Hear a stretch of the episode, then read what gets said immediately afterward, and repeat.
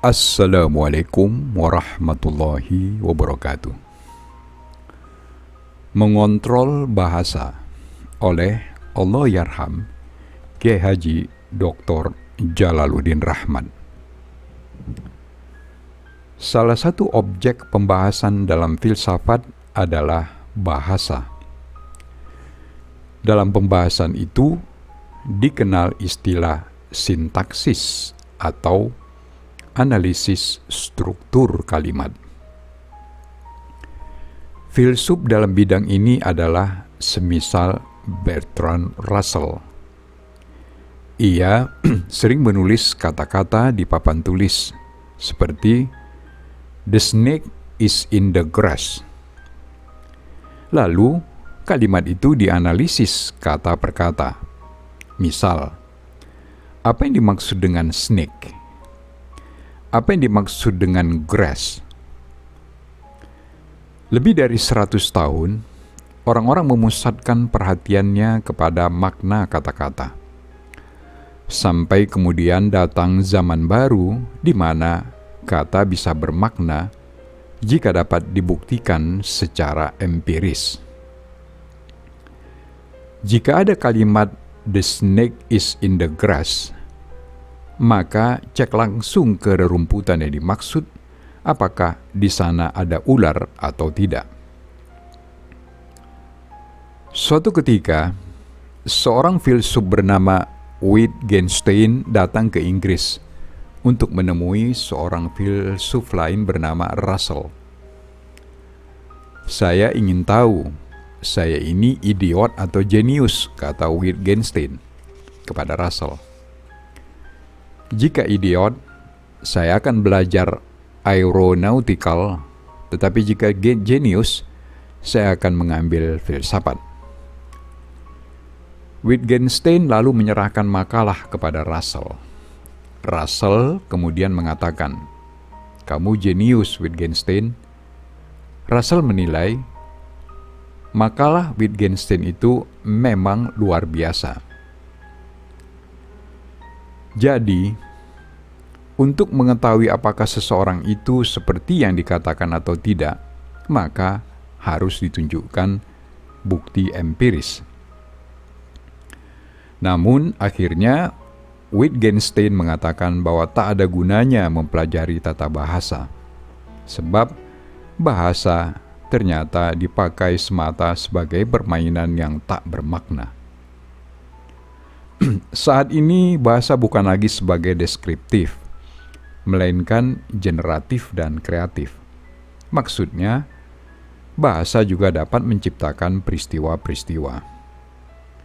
Maka, kita harus berhati-hati dalam menggunakan sebuah bahasa.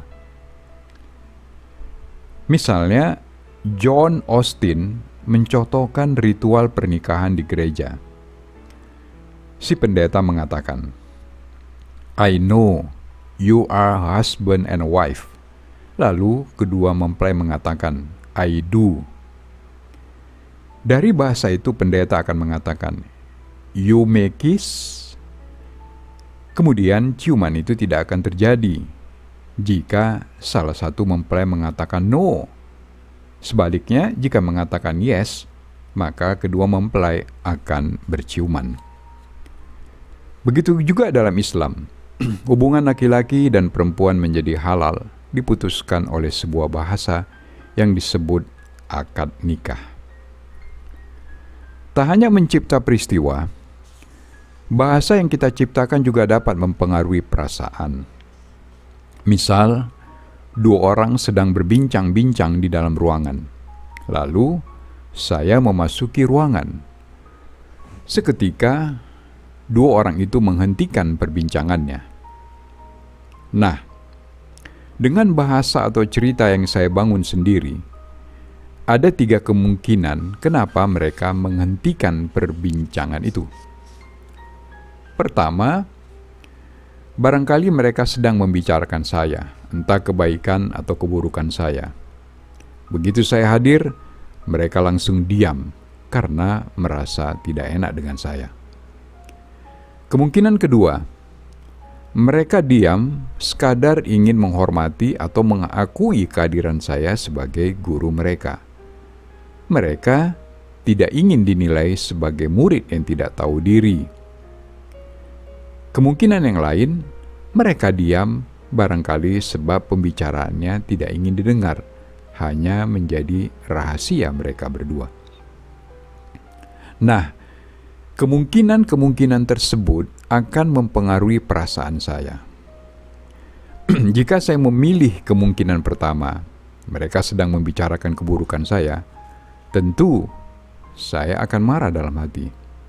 Namun, saya akan senang jika yang saya bangun adalah kemungkinan kedua, sebab tentu saja orang akan senang jika dihormati.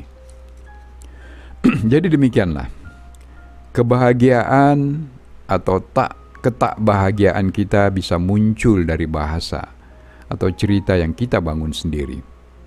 Pertengkaran-pertengkaran suami istri misalnya bermula dari bahasa dan cerita-cerita yang mereka bangun masing-masing. Lalu, pertengkaran itu mereda atau justru memburuk, tergantung bagaimana bahasa-bahasa yang terbangun di tengah pertengkaran tersebut. Maka, salah satu kiat mengendalikan amarah adalah mengontrol bahasa yang dipergunakan di tengah kemarahan. Ada sebuah buku berjudul Language and the Pursuit of Happiness atau Bahasa dan Pencarian Kebahagiaan, karangan Chalmers Brothers. Buku itu berbicara tentang bahasa dan berbagai hal yang terbangun di atasnya. Bahasa dapat membuat hati bahagia atau berduka. Jadi, jika kita ingin bahasa, jika kita ingin bahagia dalam hidup, ciptakanlah bahasa-bahasa atau cerita-cerita baik dan selalu membangun prasangka positif.